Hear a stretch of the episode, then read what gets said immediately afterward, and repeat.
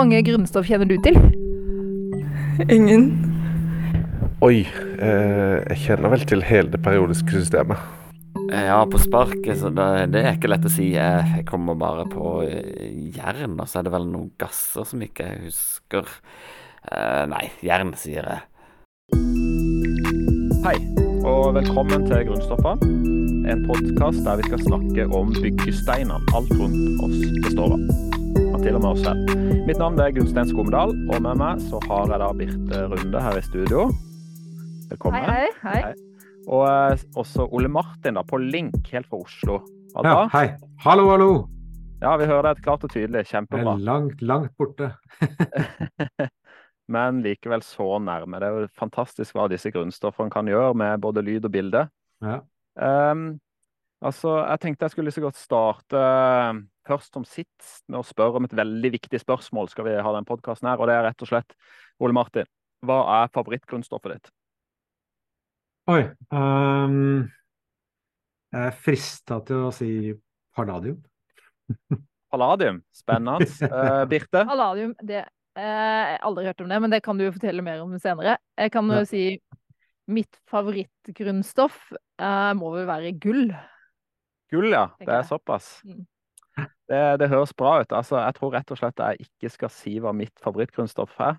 Eh, vi får spare litt seinere. For dette, altså gull og palladium, det var jo litt sånn eh, fancy materialer dere hadde som favorittgrunnstoff. da. Eh, og det skal vi absolutt høre mer om seinere i denne podkastserien. For eh, kjære lytter, i tiden fremover så skal vi rett og slett ha for oss alle grunnstoffene i det periodiske system. Og når jeg sier det nå, så innser jeg at det er ganske voldsomt, men eh, OK, vi har all tid eh, til hjelp her. Vi skal liksom dissekere det og prøve å skjønne hva grunnstoffene egentlig betyr for vårt liv her på jorda. Og eh, ja, kanskje det ligger enda mer grunnleggende innsikter bakom det hele. Eh, Og som sikkert mange av dere som lytter så vet, så har vi, i hvert fall sist jeg sjekka, omtrent 118 grunnstoff som vi vet om og som vi har gitt navn. Stemmer ikke det, Ole Martin? Jo, det er ganske nøyaktig 118, faktisk. Ja, Det er bare, det er ikke bare cirka, det er helt Ja. presis 118. Ja. Og av disse så er det kanskje jeg vet ikke, 70-80 av de som er i mer eller mindre utbredt bruk av oss mennesker nå for tida. Vi har vært flinke til å utnytte dette til vår, vårt beste opp gjennom historien. Ja, det er, ja, det er kanskje 70-80. Det er jo De, de færreste av dem er jo egentlig veldig mye bruk, da, men, eh, men vi har begynt å bruke veldig mange av dem. Mm. Ja, og jeg føler jo menneskets historie, altså vår historie er veldig sterkt knytta til hvordan vi gradvis har oppdaga og lært oss kunsten å ta i bruk flere og flere av disse grunnstoffene. Men jeg tenker også samtidig så har vi jo litt fjerna oss fra de. For det, det er jo det er veldig mange, veldig få, kanskje med noen små unntak, da, som vet hvordan vi f.eks. utvinner jern. Eh, Og det er ikke så mange som vet hvilke mm, grunnstoffer en mobiltelefon består av. ikke sant? Og vi vet kanskje at vi trenger kalsium for å bygge bein i kroppen osv., men eh, hvor kommer egentlig den kalsiumen fra, da? Og, og hva med proteinene i kroppen? Så, så derfor, kjære lytter, så har vi tatt uh, dette tunge ansvaret og inviterer med oss inn eksperter på disse grunnstoffene, som skal gi oss innsikt i det mystiske og materielle vi omgir oss med. Enten vi vil det eller ikke. Uh, og en av disse ekspertene, det er jo deg, Ole Martin. Ja. Jeg må være lov å kalle deg ekspert, eller hva, hva sier du? Ok, da, jeg har jobba noen år med grunnstoffer, så det er greit. Ja, det er nydelig. Eh, Det blir jo veldig spennende å høre hvor ekspert du er, da. Det skal vi jo få testa litt nå seinere i denne episoden. Eh, Og Og- jeg representerer da den eh, som ikke kan noen ting om noen grunnstoffer. Ja, du er en slags Eh, antiekspert. Anti-ekspert, det vil jeg kanskje kalle meg sjøl. En som eh, kan stille de dumme spørsmålene, kanskje.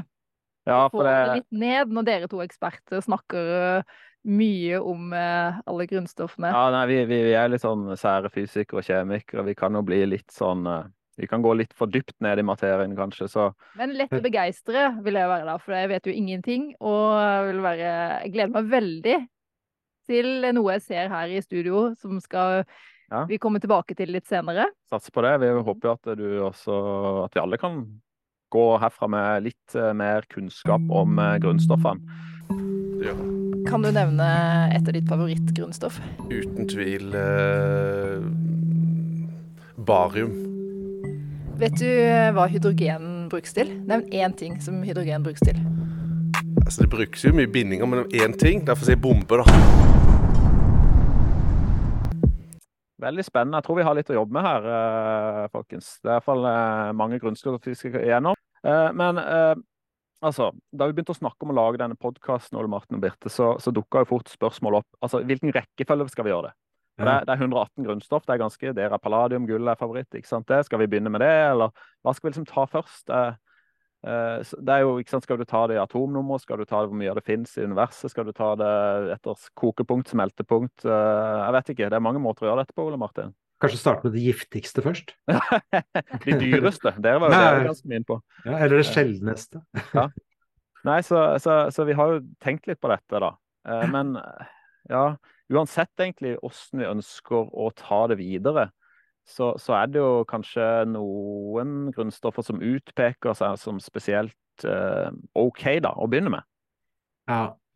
Jeg syns det er fint å starte med begynnelsen, da. Og da tenker jeg ikke alfabetisk rekkefølge. Nei, OK. Nei. Nei, hva er begynnelsen, da? Nei, det er jo Nei, begynnelsen det blir jo da i den periodiske oppstillinga av grunnstoffer, eller periodesystemet. Ja. Så starter jo øverst til venstre med grunnstoff nummer én. Og det er jo veldig lite hemmelig at det er hydrogen. Ja, nettopp. Jeg syns det er et bra sted å starte, egentlig. Ja, jeg, tror, jeg tror eh, rett og slett det. Og eh, da er jo spørsmålet er du en ekspert på hydrogen? Jeg vil si jeg er en ekspert på hydrogen. Jeg har ja, jobba mange år med hydrogen. da tar, tror jeg faktisk denne gangen så klarer vi oss med oss tre, da, rett og slett. Men kan jeg bare stille et dumt spørsmål før vi begynner? Ja. Hm. Hvorfor er det rangert som nummer én, det grunnstoffet vi i dag skal prate om? Hmm. Det var et veldig bra spørsmål, Birte. Takk for det. det for det, eh, det er jo direkte inn på, på definisjonen av et grunnstoff. Og den, den, enkle definisjonen, som er kanskje litt eh, ikke så enkel, men det, eh, av et grunnstoff, er hvor mange protoner er det i kjernen til, til atomet. Uh, og da er du plutselig med en gang inn på, på, på hvordan uh, atomer er bygd opp og sånn, men, men det er så enkelt som det. og et, for et grunnstoff et Atomer består jo av en kjerne som, som omgis av elektroner. Og elektronene definerer ikke hva grunnstoffet er. Det kan være flere eller færre enn det som er i kjernen. Men i kjernen så er det et, et antall protoner, og det antallet protoner er tallet til grunnstoffet. Og da, siden vi kjenner 118 grunnstoffer, så betyr det at vi kjenner eh, kjerner med mellom 1 og 118 protoner. Og hydrogen er nummer én. Så hydrogen er det vi skal snakke om i dag? Og, ja, nettopp.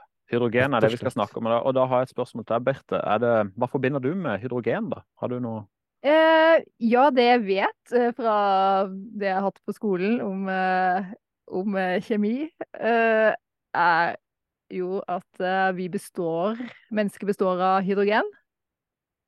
Og et lite Skal jeg ta et lite sånn Google-søk her, så finner jeg det ut at jeg består av 10% hydrogen. Å oh ja. Såpass. Mm. Ja, det er ikke verst. Ja. Uh, og jeg ser du har med noe hydrogen også her i dag. Ja, jeg har med noe jeg kan innta òg. Ja. Vann. Og vann. Det er jo ganske åpenbart. Jeg har også med noe jeg tenkte kanskje vi skulle se litt på seinere. Altså, for det, hydrogen er litt overalt, er det ikke det? Men, men, hvordan kan man få ren hydrogen? Så Det skal vi kanskje komme litt tilbake til helt på slutten av sendinga. Men, men, jeg tenkte nå trenger vi rett og slett å grille eksperten litt. Vi skal ha eh, faktaboksen. Og der skal vi teste eksperten i dag. Og uh, hvor, uh, hvor, ekspert er du egentlig? Det er jo en fin tittel, men det kommer også med visse forventninger. eh, og Birte, hvis du, du, kan svare, så er det bare å hive deg med, altså. Okay. vi begynner litt sånn basic, da. Og Eh, siden vi, vi, vi, vi, kjenner jo 118 grunnstoffer, men da jeg, lurer jeg litt på når vi egentlig ble kjent med dette grunnstoffet. Og hvem var det som introduserte oss for eh, at hydrogen er et grunnstoff? Vet du det, Ole Martin? Eh, jeg tror at det var på slutten av 1700-tallet i hvert fall. Eh, det var da man begynte å få finne de første grunnstoffene. Så um, 1770 70-80-åra, kanskje. Eh, jeg lurer på om det var en fyr som het Henry Cavendish, faktisk. ja, jeg tror du ja, Jeg er inne på noe der. ja, du er inne på noe. Det, det er helt riktig. Altså, Henry Cavendish han skjønte vel at det var grunnstoff i 1766, men uh, uh, Men det var ikke han som ga det navnet. Nei. Navnet? Det var. Uh, nei, det husker jeg ikke, men jeg, jeg, kan si, jeg, kan si, litt om hva navnet Hvorfor det heter hydrogen. Og okay. Det er egentlig litt morsomt, fordi eh, det, det, det betyr det samme, for det er jo gresk. Og det betyr egentlig det samme som det het på norsk før. Før, altså, før så het det jo vannstoff. Og det heter jo fortsatt på tysk Wasserstoff. Ja. Eh, og hydrogen eh, er jo består av hydro, som er vann, og gen det betyr, er en forkortelse for å generere. Da. Så, så det som lager vann, betyr det egentlig på, på gresk. Da. Og Det er vel det jeg forstår med vannstoff også. Altså det, du kan lage vann av hydrogen. Og det er jo en litt morsom uh, altså en, en morsom tittel på et grunnstoff. da, altså at uh, det er noe som, noe som lager noe annet av seg selv. Ja. Og, og det heter jo det på, på tysk, men det heter jo faktisk det på svensk også. Hvete. Ja, det stemmer det. Ja, Ja. de svenskene de har veldig mange gøye navn på grunnstoff. Veldig mange morsomt. Og, og, og, men, men danskene er jo helt spinnville. De kaller det for brint. Print? Hvor kommer det fra? Brint. Hjemmebrent er det Nei, det er det. ja, jo, det har noe brent. Altså, jeg, tror, jeg tror det, altså, det, er sånn et eller annet som er brent. Da. Altså, liksom, eh, hydrogen kan jo brenne veldig lett, Det er sant. og da lager det vann. OK, vi tar neste spørsmål. Eh, Vi har vært inne på dette allerede. Atommassen til hydrogen. Ja, det blir jo én, da. Fordi det er eh, et proton i kjernen. Og fordi massen til et atom, det er jo eh, stort sett bare kjernen. Så Ja. det er vel 1,008 eller noe sånt.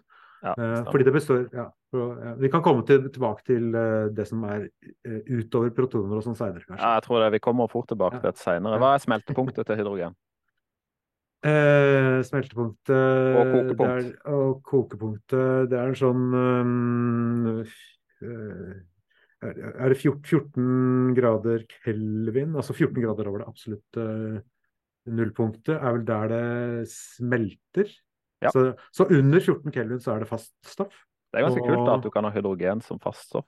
Ja, metallisk eh, er det faktisk. Så er det et metall. Hydrogen er et metall. Ja.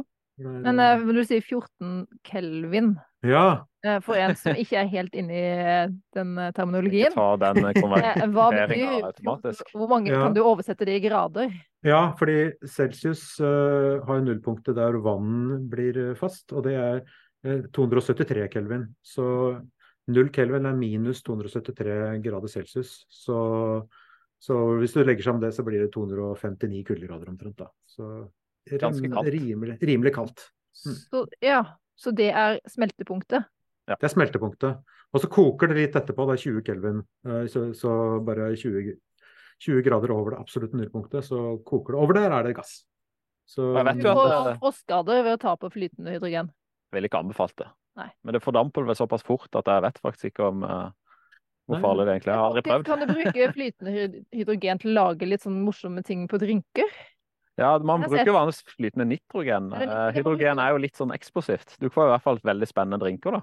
Ja, men det, ryker litt sånn over. Er ikke det hydrogen? Kanskje det er det nye. Ja. Nei, det er, nit det er nitrogen, Birte. Det er Det er- nitrogen. Ja. Greit. Det Det får vi tilbake til seinere. Det gjort, det er gjort mange ganger med å lage is av nitrogen og sånn, men uh, det hadde vært veldig morsomt å gjøre det med hydrogen en gang. Det skulle jeg gjerne likt å prøve. Altså. Sånn, Men uh, Gunstein har planlagt noe i studioserie, men det kommer kan jeg vi vet komme ikke, det blir ikke så mye eksplosjoner, det tør jeg ikke. Uh, jeg var jo på show her med Barn ingen adgang med ungene, og da var det jo Selda Ekids og gjengen der, de tok jo helt av på scenen der med hydrogen.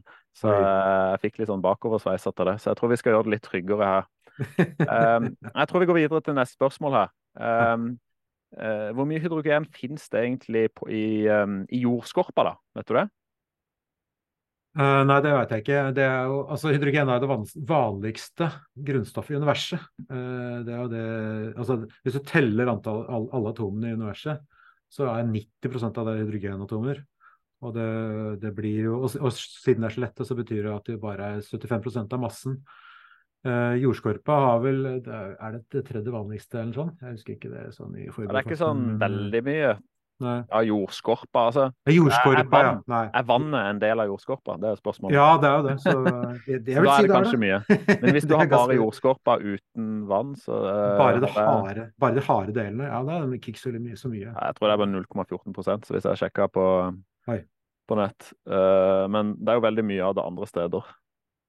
Det er Eh, veldig vet- mye av det andre steder. Vet du hvor mye det er i atmosfæren, da? Eh, nei, der, er der er det vel stort sett bare som omtrent som vanndamp og, Ja. og sånn, så det er jo også ganske lite subprosent. Og det er jo som, det er kanskje over på et morsomt faktum, eller fun fact eh, på nynorsk, eh, Ja. allerede. Fordi hvis det var hydrogengass i atmosfæren, så er den så lett at den bare fyker av sted oppover, oppover, oppover, og bort fra jorda. Så det er altså den, den, eh, den unnslipper atmosfæren vår, den unnslipper tyngdekrafta til jorda. Så lett er hydrogen. Men hva betyr det, da? Det, det ikke er noe hydrogen som, er flyte, eh, som flyver fritt rundt i atmosfæren? Det er nettopp det det betyr. Alt hydrogenet som vi slipper ut, det eh, forsvinner fra jorda og er tapt for alltid. Men hvor, det må bli Hvor blir det av? Ut, ut, i, ut i resten av verdensrommet. Så- Sammen med andre eh, hydrogen. Sammen med resten av hydrogenet som svever rundt, og masse andre rare molekyler som svever rundt. Men det blir jo fortynna ekstremt, da, så du finner det aldri igjen. Men vet du faktisk, jeg sjekka litt opp der, vet du hvor mye som hydrogen som forsvinner hver dag? Fra jorda? Ja. Eh, nei, jeg tror jeg har lest det en gang, men eh, det er vel noen Eh, kilo eller noen 260 tonn. Det er noen tonn! Det er såpass! om dagen. 90, 95 000 tonn i året av hydrogen som forsvinner ut. Ja. Så det er Men noen hvor- som mener at dette i året er altså medvirkende årsak til at vi altså om 3-4 milliarder år så har vi så mye, så lite hydrogen igjen at den jorda blir nærmest ubeboelig. Oi! Det er mye annet som kjipt som skjer i den tida, men Fordi vi trenger hydrogen såpass. ja, vi trenger jo hydrogen til alt, så Ja. Så det er på tide å begynne å spare hydrogen om noen milliarder år, da, med andre ord. ja, kanskje. Eller lage vann av det. Eller hva. Mm. Eh, Ok, Et siste par spørsmål, litt sånn menneskelig bruk av hydrogen. da. Vet du uh, hvor mye hydrogen vi mennesker produserer og bruker i løpet av et år? Eh, nei, jeg vet ikke det heller, men eh, hvis jeg skal tenke på et tall, så eh, million tonn 100 000 tonn, jeg vet ikke. Det brukes jo stort sett uh, i kjemisk industri da, til å lage ammoniakk, f.eks. Viktig kunstgjødsel og sånn. Ja, stemmer. Men, uh, men hvor mange Vi snakker million tonn? Ja, det er, det er flere millioner, altså. Flere Ja. titalls millioner, faktisk. Ja, ikke sant. Ja. Jeg tror i 2020 eller cirka nå, så er det ca. 70 millioner tonn med hydrogen da, som produseres årlig. Oi. ja. Så det er, det er, altså, Du sa jo det, ammoniakk er stort. Det brukes også mye i petroleumsvirksomhet. og sånn der hydrocracking osv. Så på raffinerier. Ja. Og det er fremdeles ikke så veldig mye som brukes til noe vi kanskje skal snakke litt mer om på hydrogenøkonomien. da, Denne grønne hydrogenen. Nei, ikke det. Nei. Og det er ikke så mye av den som, som husker at det, produseres. det pleide å bli lagd, brukt til å lage margarin. Det er jo Ja. ikke så vanlig lenger. Faktisk så jeg gjorde et lite sånn Google-søk med, med eh, det som vannet mitt er i, denne flaska, plastflaska. Eh, har plast blir òg laga med bruk av hydrogen, stemmer det? Det kan godt være. Det brukes jo i kjemisk industri Ja. for å lage f.eks. metanol og andre kjemikalier. Så både vannet inni flaska og plastflaska eh, trengs Er det hydrogen i? Ja, det er absolutt. Hvis ikke det hadde vært hydrogen, så hadde det ikke funka. Det er overalt. Eh, vet du hvor mye det koster da, Ole Martin? Du var jo veldig glad i gull og palladium her i stad. Det er ganske kostbart. Men hva med hydrogen? Ja, hva er kiloprisen på hydrogen? Uh, Ja. Nei, jeg vet ikke det heller. Hva er gateprisen på hydrogen? Ja, ikke sant? Jeg pleier, pleier bare å, å kjøpe det fra piratforhandlere av hydrogen. Det er, Nei, jeg jeg det, ikke. det er på linje, linje med melk.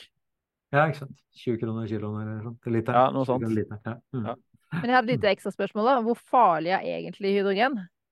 Hvor farlig kan det være? Mm. Ja, det er interessant, fordi det er jo ikke giftig sånn sådan. Altså, du kan puste det inn, og, og, det, eh, og det er ikke sånn at du, du, du får skader av å ha det på kroppen, med mindre den er, er nedkjølt. Da. Men den er jo brennbar, så den, eh, den har jo vært involvert i noen skader.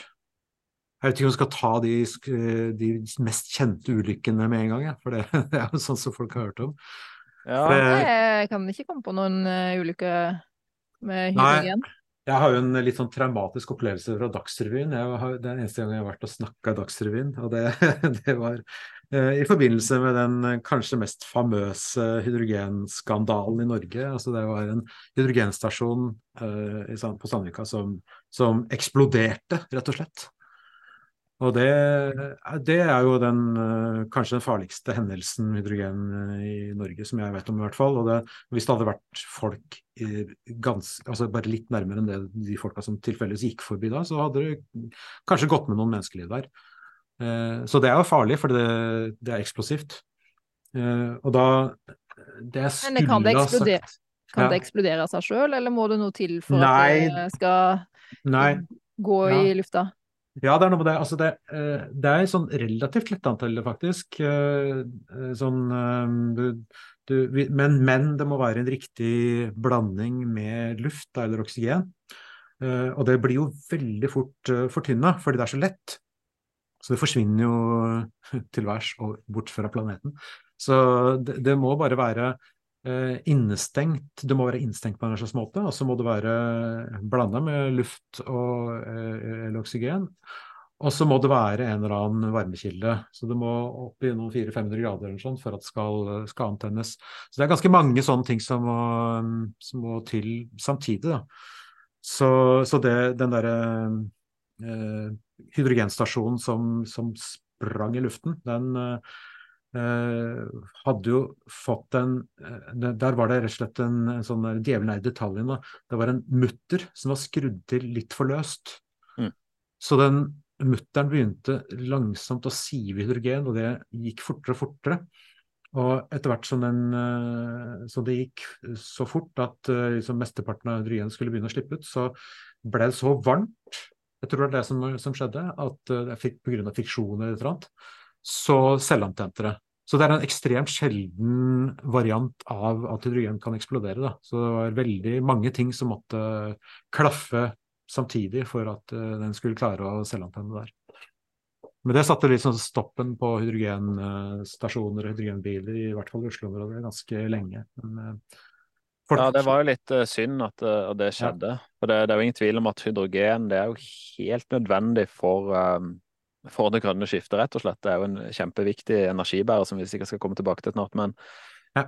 eh, vi, altså man må være litt ekstra påpasselig, da. Det er det jo tydelig. Og eh, både med hydrogen, da, det er såpass smått og veldig lett, så det er jo fordeler. Men det er også ulemper, som du sier. Det er lett at det kan Mm. komme ut litt ut av kontroll, og det å få Det ting helt tett er kanskje litt vanskelig, da.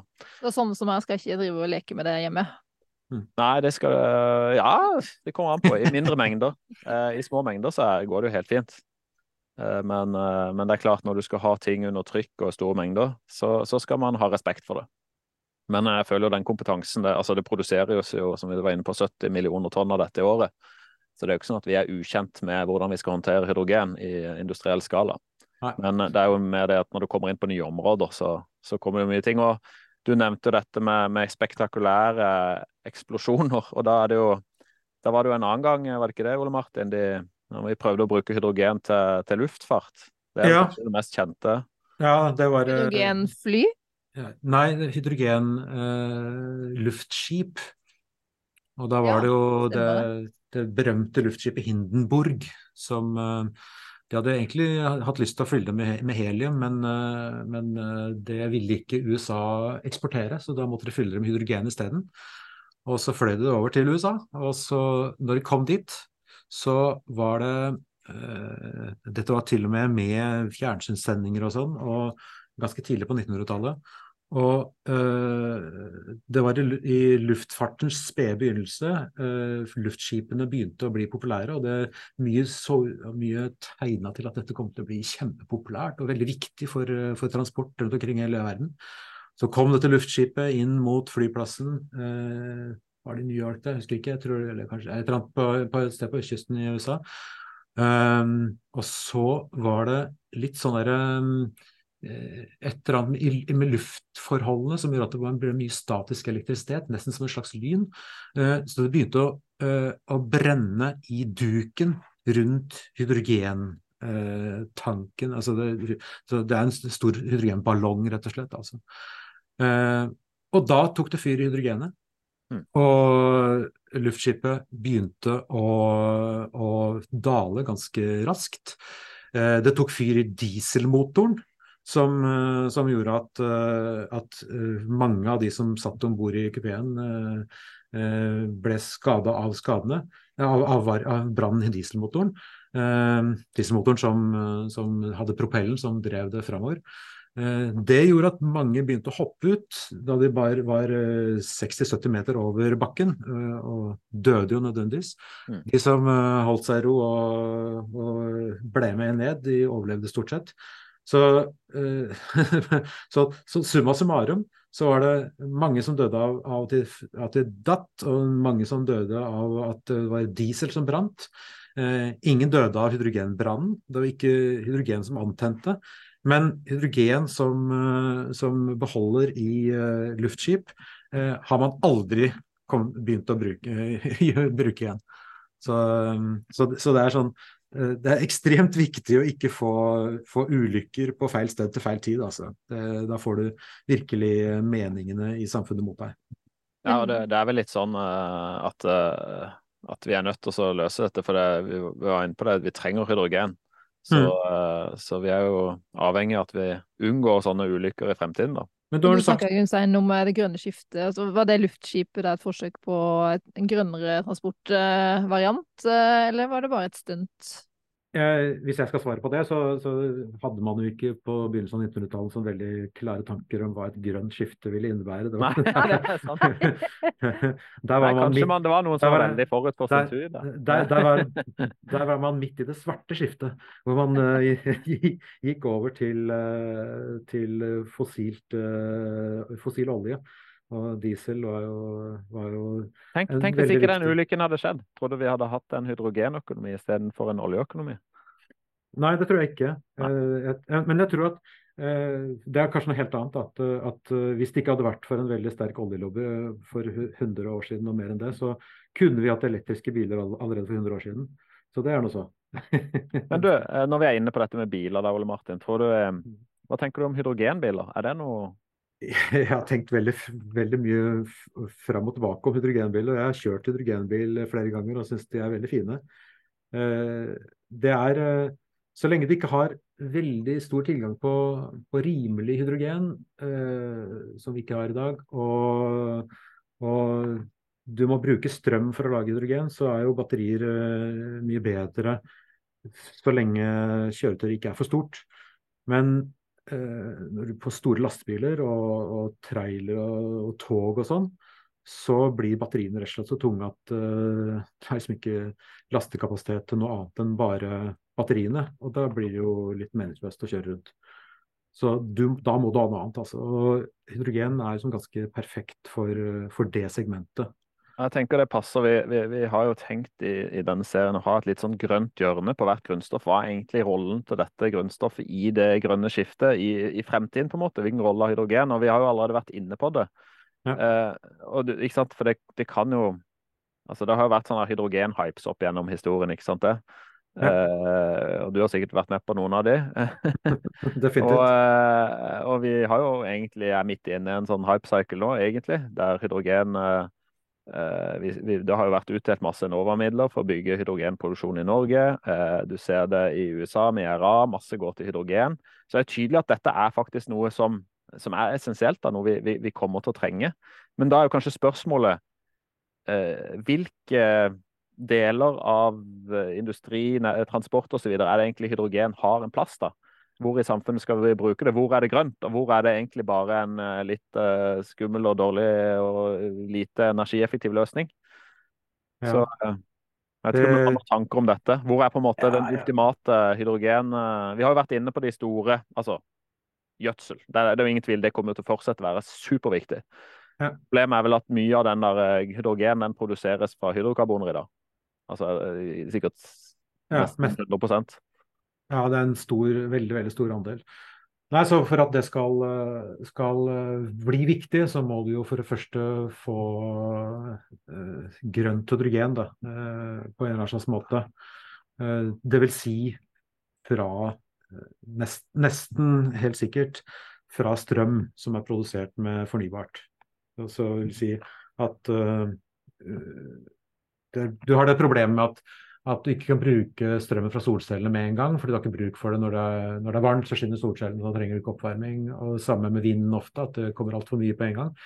Men uh, hvis man da kan bruke overskuddsstrømmen da til å lage uh, hydrogen ved å spalte vann med elektrolyse, så eh, kan hydrogen eh, kanskje bli tilgjengelig i veldig store mengder, og da kunne brukes til uh, f.eks. lastebiler og tog og kanskje kortdistanseflytrafikk og en, en, god del innenfor transport som hvor, hvor, det er veldig vanskelig å få til nullutslipp. En, en viktig del av nullutslippssamfunnet, sannsynligvis. Men jeg bare spørsmål. Så, sånn som jeg har forstått det, så er hydrogen ikke et naturlig grunnstoff? Du finner ikke så mye av det i naturen, nei. Det, det, det, må på en måte lages, fremstilles. Og da er jo, vi var nevnte, kanskje burde sagt det, men i dag så fremstilles jo nesten alt av hydrogen. 70 millioner tonn. Det er noe som kalles naturgassomforming. Så du tar naturgass, som er på en måte karbon, hydrokarboner, eller et, ofte hvis det er metan, da, så er det jo ett karbon og fire hydrogenatomer. Og så på en måte Eh, spalter du på en måte vekk hydrogenet da for ren hydrogen. Eh, det er litt mer komplisert, selvfølgelig. Men det er jo der. Eh, problemet med den er jo at den karbonet, hvor blir den? Jo, den blir til CO2. Mm. Så, så, det er faktisk, sånn som hydrogen produseres i dag, så er det jo veldig CO2-intensivt. Så, så det er, jo, er det ikke miljøvennlig å fremstille hydrogen? Ikke hvis det, ikke, det altså, Mesteparten av hydrogen som fremstilles da, er jo egentlig et, mer et miljøproblem enn en løsning. Men du har vært inne på det, Ole Martin. Så lenge du kan bare spalte vann og bruke ren strøm, så, så kan det gjøres 100% utslippsfritt. Mm. Og, um, men problemet er jo at det er så billig med gass. og Det er jo en litt sånn paradoks der. fordi i Norge var jo en stormakt på produksjon av grønn eh, hydrogen i lang tid. Vi har jo også selskaper som Nel, som på en måte er verdensledende på produksjon av av elektrolysører. Vi, vi, skal kanskje se litt på det etterpå, men altså, enheter som spalter vann da, med strøm. Mm. Og uh, vet jo Yara og, og andre gjødselprodusenter brukte jo hydrogen fra elektrolyse uh, primært. da. Men så oppdaga vi olje og gass, og den ble kjempebillig med gass. Og så ble det så billig at det utkonkurrerte på en måte den grønne hydrogenen. da. Så mm. det er jo litt synd. Så nå skal vi liksom gå litt tilbake, da, i hvert fall i Norge, ja. Men det er også mulig å Det, det fins jo muligheter til å bruke naturgass uh, uten å slippe ut CO2. Da. Og det, det er jo den, uh, den berømte månelandinga til uh, en regjering for lenge siden. Handla jo om det. vi på Sintef har jo jobba med en alternativ måte å gjøre det på. Og det, det, jeg har med meg i dag, er jo altså, noe som vil være hjertet borti en sånn teknologi. Okay. Eh, og da, Nå viser jeg den eh, på videoen deres, da, men det er rett og slett eh, det ser ut som et lite rundt speil. Eh, og ja. det, er et, det, er et, dyrt speil, fordi den består nemlig av uh, yndlingsgrunnstoffet mitt. Husker du hva det er for noe? Palladium. ja, det er palladium! Det er rett og slett uh, det, Dette er uh, ja, Hva har det med hydrogen å gjøre? Ja, det, det, er rett og slett, her er det, dette er en uh, palladiumfilm som er to mikrometer. Jeg, føler, uh, Ole Martin, at Hæ? nå kommer du til å liksom, bruke palladium hver eneste grunnstoff. nei, nei, nei, nei. men, nei, men dette er, dette er en, en, en, en, metallfilm som er to mikrometer tykk. Den er kjempesterk. Den, eh, den uh, slipper ikke gjennom noen ting. Den er helt, helt fullstendig tett. Som en, uh, som en aluminiumspose, liksom. Bortsett fra én ting hva tror du den igjen, slipper igjennom? Hydrogen. Helt riktig! Og den, og den, altså, den, er, den, er, 100 selektiv, som vi sier. Altså, den slipper utelukkende gjennom hydrogen. Og, og, det gjør at du kan, kan uh, bruke den der uh, reformeringsprosessen uh, med naturgass. trekke ut hydrogenet på den ene siden gjennom denne sånn, sånn type membraner. Og så sitter du igjen til slutt med nesten rent CO2. Hmm. Det er jo helt utrolig. Fantastisk. Ja, det er helt uh, revolusjonerende. Litt sånn magisk teknologi i hverdagen. For meg så er all, all kjemi magisk. Og ja, fysikk. Nei, men så, da får du til det. Da kan du produsere hydrogen med naturgass, du kan produsere det med strøm. Det finnes sikkert også andre måter å få eh, fremskaffe ja. hydrogen på. Og så skal vi da bruke det i de tingene som vi ikke kan elektrifisere. Og da har vi egentlig løst, har vi ikke det? Det har i hvert fall løst veldig mye. Eh, jeg tror at du, du klarer vel ikke å kjøre sånne der, uh, supertankere på hydrogen heller. Det, det blir for uh, plasskrevende. Så den der båttrafikken over verdenshavene tror jeg vi må finne noe annet på. Men det, Men du, det er jo, eh, vi har ikke vært inne på det, men det fins jo en måte å få veldig mye energi ut fra hydrogen på. ja, Altså, Vi var jo inne på dette oppe i, ute, ute i universet. ja, fusjon, ja. Ja, ja. Ja, det er jo hydrogen eh, Dette har vel ikke Det er jo et veldig viktig poeng om hydrogen, at eh, det er jo faktisk eh, drivstoffet til universet. Det er jo det som driver sola. Det er det som gjør at sola er varm. Hydrogen som fusjonerer. Det må du må forklare meg litt nærmere. Ja. Hvordan? Nei, altså, ja, nei, det er også hydrogen, hydrogenkjerner som smelter sammen, og, og som uh, i den sammensmeltinga som kalles fusjon, så er det, blir det overskudd av eh, masse, og masse er lik energi, gjennom eh, Einsteins eh, berømte ligning. Og, og det er det som, eh, som gjør at sola er varm. Ja, så uten hydrogen så hadde ikke sola vært, vært varm? Ja, rett og slett. Det er hydrogen. Det er alt hydrogenet som er rundt omkring i universet, er enten i drift i stjerner i dag, eller kan komme til å bli det igjen når de trekker seg sammen og blir til stjerner i fremtiden. Så hvis vi tenker oss at mer og mer hydrogen forsvinner fra atmosfæren, da, så blir det kaldere i lufta? Sola blir ja, det, sannsynligvis så blir det jo sugd opp av sola, da. Med, Ja, eh, hvis det ikke blir, eh, hvis det ikke blir, eh, blir eh, skyvet ut fra, fra sola med solvinden, som er også en annen ting, da. eh, Som er massevis av ladde partikler som forsvinner fra sola. Men du, tror du vi får sånne masse sånne minisoler da, rundt på, på skip og rundt forbi? Eller eh, har du noe troa på fusjon? Ikke rundt omkring på skip i hvert fall.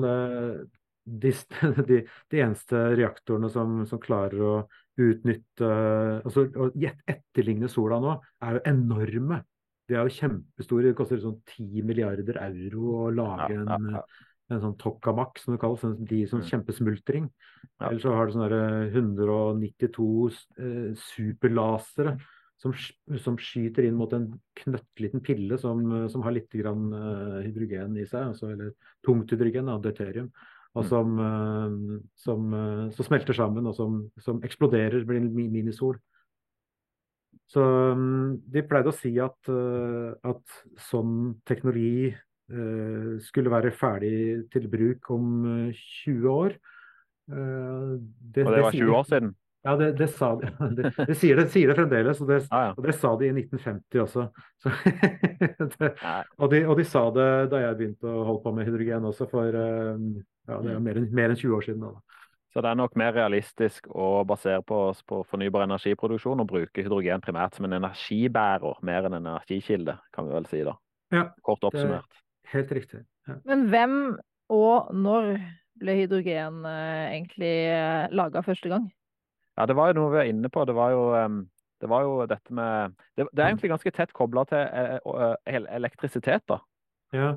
For det, det var jo når de begynte å kunne bruke elektrokjemi, altså bruke elektrisitet i kjemiske reaksjoner, de begynte å oppdage virkelig mange grunnstoff. Og hydrogen var vel et av disse. ja. Jeg tror han, han Cavendish han drev jo med, med syrer på metaller. og Når syrer reagerer med metaller så, så, og det bobler på, på overflaten av metallet, så er de boblene hydrogengass. Har du lyst til å prøve, Birte? Ja, jeg har sittet her hele tiden og venta på at du spørre. For det, for det er, jeg, jeg, prøve, jeg vet ikke om det egner seg så godt på podkastformat, men vi kan teste. Eh, Jeg har rett og slett med bitte grann eh, en, en beholder eh, som jeg har tatt litt salt i. Bordsalt. Eh, det er jo litt gøy. Og så tar vi litt vann oppi. Der, du kan jo helle litt vann oppi. veldig- Da må jeg bare si at alle mine eksperimenter som jeg har gjort på videregående i kjemi, har gått galt. Så hvor mye vann skal jeg ta? Uh, bare ta halvfullt. Halvfullt. OK. Ja. Okay. Halvfullt, altså cirka Dette er liksom et litt stort glass, da. Heller er det av vann på et pulver. Som er, hva slags pulver er Er det? det bare bordsalt? Bordsalt var det. Ja. Vet du hva det er? Du lager Sånn. saltvann, altså? Bordsalt, vet du. Vet du hva det består av? Eh, nitrogen. Nei? Nei. Nei. Natrium. Natrium, mente jeg. Natrium. Natrium. Ok. Natrium. Og grunnen, vet du hvorfor vi gjør det? Eh, for å binde det. Nei, vi trenger noe altså Rent vann det leder ikke så godt strøm, så vi trenger et eller annet eh, i vannet som kan lede i strøm ved hjelp av ioner. Og hvis vi tar salt i, så er dette sånn Spennende. Så salt eh, leder strømmen. Ja, saltvann det leder bedre strøm enn eh, tørt vann. Så Mm. Derfor skal du helst ikke få så mye saltvann på batteriet ditt. Men nå kan du da putte et batteri oppi og se hva som Ok. skjer. Ja, Tatt med sånn lite Biltema, 9-volts-batteri. Biltema-batteri for et rødt Bare bil. putt, putt oppi og så se. Så, sett det det ned litt sånn. Blir det her eksplosjon, eller? Nei, nei, det, det, prøv. Dette er et eksperiment. OK, der putter jeg batteri oppi. Ja. Der. Ja. Og Så prøv å sette, sette litt sånn på høykant. OK. Uh, slapp jeg det litt for raskt oppi hånda. Ja, nå står batteriet på høykant. Hva skjer? Kan du forklare hva som skjer? Se. Her, ja. Og her begynner det boble Det kommer litt bobler ut av eh, Er det pluss- eller minuspunktet? Ja. Det er minuspunktet det er kommer mest bobler ut av. Ja. Og hva Og ser vi den pluss, da? Den andre, hva skjer da? hva skjer med plussen? Kommer bobler Ja. der òg? Nja, jeg kan ikke se så mye bobler komme ut fra det andre. Uh, hva tror du de boblene er da, Birte? Ja, skal jeg gjette, så vil jeg kanskje tippe at det er hydrogen. Ja, helt riktig. Det er utrolig. Det bobler som bare pokker. samtalen vi har hatt her i Ja, dag. veldig bra. Hadde jeg tippa noe annet, så hadde jeg vært litt kan du lukte Det noe? er ikke palladium. Ikke palladium. Kan du lukte noe? Det? Lukter du? Nå har jeg litt dårlig luktsans, men eh, Det lukter ikke litt ba, eh, Altså litt sånn svømmehall? jo, det kanskje lukter litt klor. Ja. Utrolig, Er det. Ja, er det klor eh, Så du har ikke bare lagd hydrogen, du har lagd klor. Så nå har jeg Gass. hydrogen og klorgass. Ja. uh, Ut ifra et batteri, vann og salt. Yes. Og det er jo rett og slett uh, fordi Ja. uh, du har lagd en, elektro, en slags elektrolytisk celle. Mhm. Der du har Du må alltid ha pluss og minus, og Mhm. så strømmen trenger jo begge deler. Og så går det da ioner i vannet, og så går det strøm inn i batteriet. Og på den negative elektroden da, så, så vil strømmen eh, Altså det vil reagere med vann, og så vil det spalte vannet, sånn at du får hydrogen. Og på den andre så vil du da få klorgass. Så hvis jeg drikker dette her, hvor farlig er det? Nei, jeg tror det er, det er ikke veldig farlig. Du kan også se at på den eh, positive elektroden så er det noe annet som skjer, den skifter farge. Den blir litt sånn brunaktig. Så det er jo rust, da, for det er jo stål eller et eller annet Så stålet ruster da av ja. klorgass og Ja, ja det, det at eh, for, for rust, det er jo også en slags eh, elektrokjemisk reaksjon. Eh, Og det var jo dette de drev og Cavendish og gjengen der drev og testa med. De lagde små batterier. Det var jo da batterier de første galvaniske cellene ble laget. og de brukte disse batteriene og tok de i forskjellige salter og vann osv. Og, så videre, og så plutselig utvikla det masse nye materialer. For det, det strøm kan gjøre, det er jo spalte molekyler, ikke sant? Og gjøre det til de enkeltelementene, nemlig grunnstoffene. Det som Mm. fascinerer meg mest, egentlig, det er hvordan folk kommer på å putte disse her tingene sammen. Og så får man et resultat. Og egentlig så tenkte jeg at det du kunne gjort nå var å ta en sånn liten beholder, og så holder du over den, og så kan du samle opp litt gass. OK, nå putter vi en be- liten beholder oppi batteriet. Sånn, ja. ja. En som er over denne ene, ene elektroden der gassen kommer ut. Og da samler du rett og slett opp gassen i den beholderen. Så du fyller den med vann, Ja. og så setter du sånn at den er helt full med vann, og så setter du den over den eh, elektroden som hydrogen kommer ut av. Så ser du masse bobler, og det samler seg opp og lager en slags hydrogenlomme helt øverst der. Hydrogen er veldig lett, ikke sant? hydrogengass. Nå driver du og produserer din eh, hydrogen. Hvis du holder der lenge nok, du, så kan du da få en liten eh, noen eh, kubikkcentimeter med hydrogen, kanskje. Nå, nå vet jeg ikke hvor godt det er med akkurat det batteriet. Det er jo kanskje ikke helt optimalt. Men, men det er jo litt fascinerende, for det er jo faktisk sånn en elektrolysør fungerer. Sånn, sånn grønt hydrogen produseres litt, kanskje litt mer komplisert. Men eh, Det er helt utrolig at eh, de basale tingene som man har hjemme, et batteri, litt eh, salt og vann, så kan man da lage hydrogengass. Det kan du. Og eh, hvis du samler opp nok, så kan du også få det til å, til å smelle, da. Eh, jeg tror ikke vi skal gjøre det her i studio, men, eh, men eh, der kan du rett og slett gå på YouTube, Birte. Ja. Så ligger det en haug av videoer, tror vi har sjekka, jeg på hvordan man kan produsere knallgass eh, hjemme på kjøkkenet. Hjemme og imponere jeg skal kanskje ikke oppfordre absolutt alle til å gjøre det sjøl, men, men kanskje i sånn liten skala. Det er litt fascinerende å se, da. Hvordan du kan faktisk spalte vann til hydrogen. Jeg husker jeg var kanskje det mest vellykka eksperimentet i naturfagen på skolen. Da læreren lagde knallgass, som er altså en blanding av hydrogen og oksygen. Da. Ja. Det er veldig morsomt, altså. Det er veldig gøy. Og det, hvis du gjør det i litt liten skala med noen små batterier, så, så, så er det ikke veldig farlig. Så jeg vil anbefale å sjekke litt sånn gøye YouTube-klipp og kanskje prøve å lage hydrogen hjemme. da, og lage litt sånn eh, Oi, oi, oi. oi. Ja, oi, nå du. mista du hydrogenet ditt. Ja, vi får prøve igjen litt etterpå. Og Det var litt av tanken jeg tenkte med podkasten her også. Vi skal jo gjennom 118 grunnstoff. Det er jo ikke alle som er like lette å samle på. Eh, men, men, vi har vel en slags ambisjon, da, at vi skal greie å samle sammen alle disse grunnstoffene. Mm. Um, så vi begynner, begynner, jo litt i dag nå med hydrogen. Det, det, er ganske lett å samle. Så får vi se neste gang. Uh, kommer litt an på grunnstoffet. Gull er jo også for så vidt greit, tror du ikke det? Men det er jo noen som er litt uh, verre, så det blir spennende å se hva vi, hva vi greier der. Så er det noen grunnstoff som, som jeg har hørt bare forsvinner med et poff med en gang det er laga. Det er jo gleder meg til å høre mer om. Ja. Det blir, det blir, veldig korte episoder også. ja, veldig korte episoder. Men Gustein, du, du, sa at du hadde et, eh, et, eh, favorittgrunnstoff. Er det på tide å avsløre hva det er nå, eller? Ja, jeg, jeg, kan jo si det, og det er rett og slett er jo litt sånn eh, Altså, jeg kommer jo litt sånn fra industrien, har jobba med i prosessindustrien. Og er det ett grunnstoff Norge er en stormakt på i verden, mm. så er det silisium. Mm. Og uh, det er absolutt et av mine favorittgrunnstoff, og vi skal ha en grundig gjennomgang av det også, på lik linje med palladium og gull uh, seinere i denne mm. podkastserien. Så, uh, så det, det, det, blir veldig spennende. Det gleder jeg meg selvfølgelig til. Men jeg tenkte det må vi spare litt på. Jeg gleder meg til å se hvordan du Ole Martin, klarer å koble opp palladium til litium. ja, vi får se. Ja, vi får se. Mm. Vi nærmer oss slutten her i dag. Eh, men jeg tenkte jeg skulle bare ta en liten overgang. For vi har allerede tenkt litt på hvilke grunnstoff vi skal ha neste gang. Og det er litt kobla til hydrogen, skjønner dere. Eh, mm. Fordi eh, hver dag når jeg sykler til, til jobb, så sykler jeg forbi et sted der de produserer hydrogen. 700 kilo hydrogen om dagen. Mm. Vet dere hva de bruker det til? Ingen anelse. Det, det, er et av de få stedene i verden det produseres grønn hydrogen uh, i industriproduksjon. De bruker det rett og slett for å lage metaller, og det er ikke hvilket som helst metall. Det, det er nikkel. Oh. Er ikke det litt fancy? Så, Veldig fancy. Mm. så skal faktisk, eh, vi skal faktisk eh, besøke nikkelverket for, for å se litt hvordan nikkel lager, Selvfølgelig, det er også et grunnstoff, sist jeg sjekka. Og Da kan det hende at vi også kan få, få sett litt hvordan hydrogen produseres i industriell skala. Det hadde vært veldig kult. Eh, det høres men, eh, veldig spennende ut. Da ja, må vi komme det, tilbake igjen, da. ja, men jeg tror, jeg, jeg tror, da gjenstår det egentlig bare å, å takke for i dag. Og så ses vi vel igjen snart til et uh, nytt grunnstoff. Ja, det gleder vi oss til. OK, ha det bra. Ja, ha det bra. Ha det.